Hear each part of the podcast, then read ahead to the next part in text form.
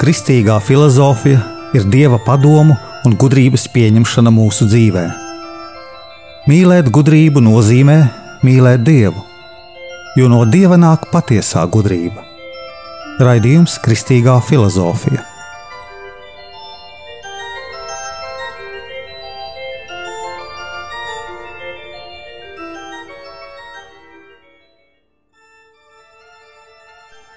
Es esmu Jānis Valtra Vitsenheims, un ar jums ir 44. lekcija Kristīgajā filozofijā.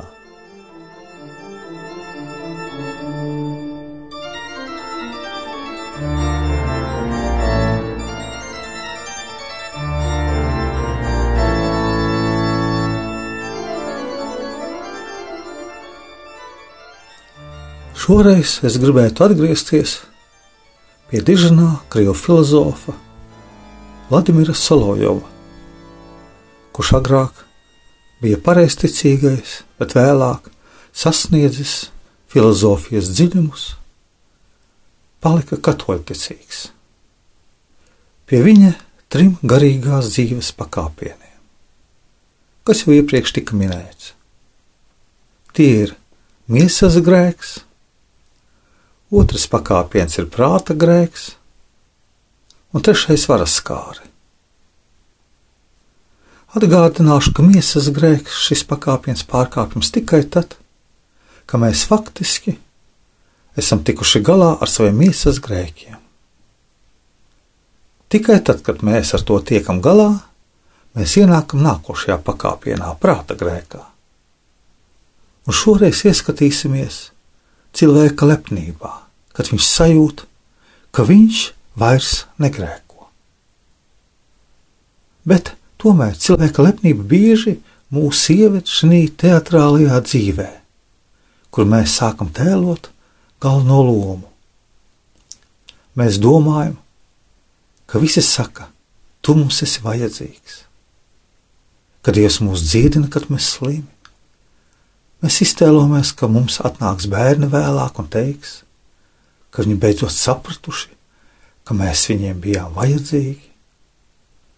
Ka varbūt pirms mūsu nāves viņi raudās un teiks, ka viņi visu, visu saprata, cik mēs esam bijuši viņiem svarīgi. Cilvēkam patīk sevi kā filmā skatīties no malas, protams, bieži vien kritizējot bet kā filmā mēs gribam arī lepoties ar to, kas mēs esam. Tā ir mūsu iekšējā deformācija. Pasaule mūs ievelk filmā, kur mēs sen skatāmies no malas. Kāda mūsu māja, kāds dārzs, kāds mūsu apģērbs, kā mēs ejam. Lepnība mūs ievelk ārējā čaulā, kur mēs spēlējam tādu kā lomu. Kā internetā liekam kaudzi savu fotografiju, un pat sev varbūt reizēm ieliekam smaidiņu, cik mēs esam labi. Fotogrāfija agrāk bija piemiņai, iemūžināt ģimeni, savus draugus, radus. Skatoties uz sevi no malas, rodas ieradums skatīties uz sevi kā jau iepriekš minēju, pat lūkšanas laikā, un tā sevi attālinot no Dieva. Mums jāmāk pareizi lūgties, atsakoties no visa, veltot sevi sarunai ar Dievu, veltot sevi tikai tam, kas mums svarīgs.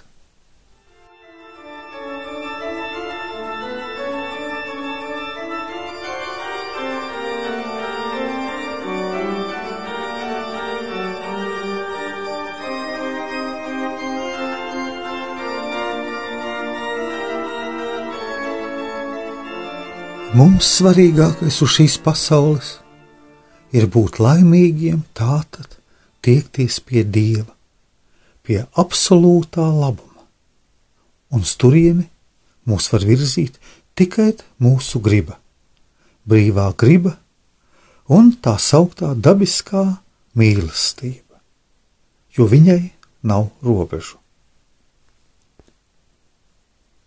Tātad, ja bezgalīgais labums ir Dievs, tad šis slēdziens mums rāda, ka pirmfaktors rada pazīšanas kritisko problēmu, beigu instanci. Tā saka prāts, manas laimes izraisītājs ir bezgalīgais labums. Prāts arī saka, ka, lai iegūtu to vienību ar bezgalīgo labumu, ir jādara labs un jāturās no ļauna. Tā ir ētiskā mēraukla. Un eksaminējot mūsu prāts, atrod, ka darīt labu izvairīties un bēgt no ļauna, tas ir izskaidrots beigu beigās ar visaugstākā likumdevēja, morāliskā likumdevēja darbību. Ar to vadīšanu, kas mums dot morālisko sirdsapziņu, lai mēs darbojoties varētu veikt labu un bēgt no ļauna. Tas viss ir racionāls, Tas viss ir īstenība, tas viss ir patiesība.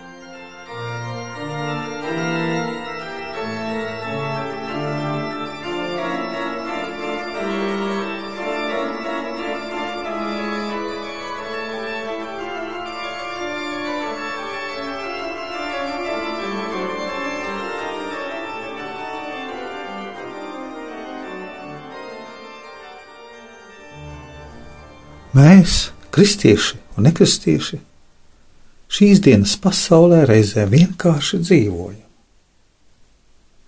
No rīta ceļamies, ejam uz darbu, vakarā atnākuši, esam aizņemti ar savām rūpēm, un mums nav laika iedziļināties mūsu dzīves meklējumos.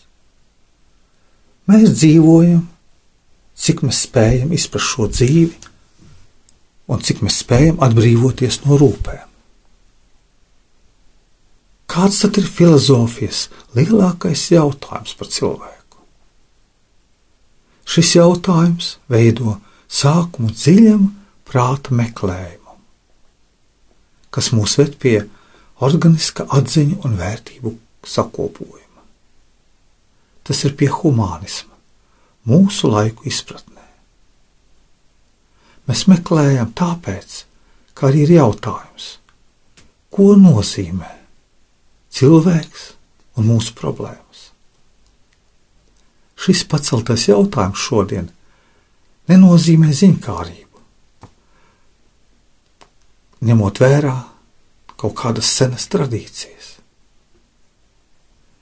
Tieši šī domu virzienā filozofi un arī parastie cilvēki, nefilozofi, runādami, domādami, jautā. Cilvēks ir gars, matērija vai kaut kas cits. Priekš sevis ir viņš vienīgā gaisma un gudrība, vienīgais likumdevējs, vienīgais savas laimes kalējs, vienīgā mēraukla savām domām, jūtām, darbībai, dzīves vērtībām mīlestībai. Ir viņš pilnīgi brīvs un neatkarīgs, lai celtu pats savu pasauli.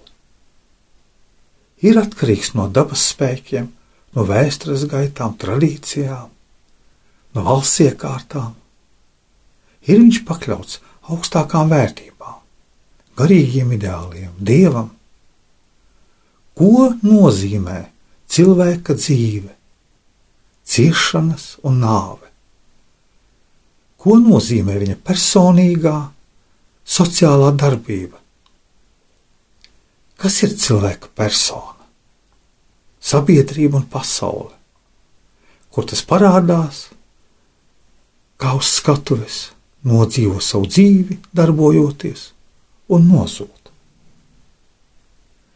Šie jautājumi un daudzi, daudzi citi līdzīgi ir filozofiskās problēmas par cilvēku jautājumi un skar humānismu aktuālā nozīmē. Tas liecina, ka cilvēks šodien ir dziļi satraukts un nemierīgs, kamēr viņš nav atradis kodolu savā dzīvē.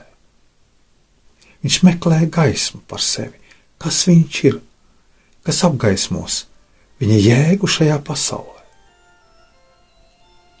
Mēs zinām, cilvēks ir dzimis un dzīvo, lai būtu laimīgs. Un laime ir tā, ko viņš var satikt, ejot vienotībā ar Dievu, dzīvojot priekš citiem un mēģinot izprast pats savu dzīves būtību. Es esmu Jānis Valtra Vitsenheims, Jeruzalemes Kristus kapa ordeņa bruņinieks.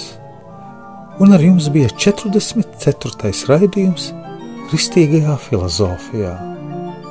Filozofiskais jautājums par cilvēku.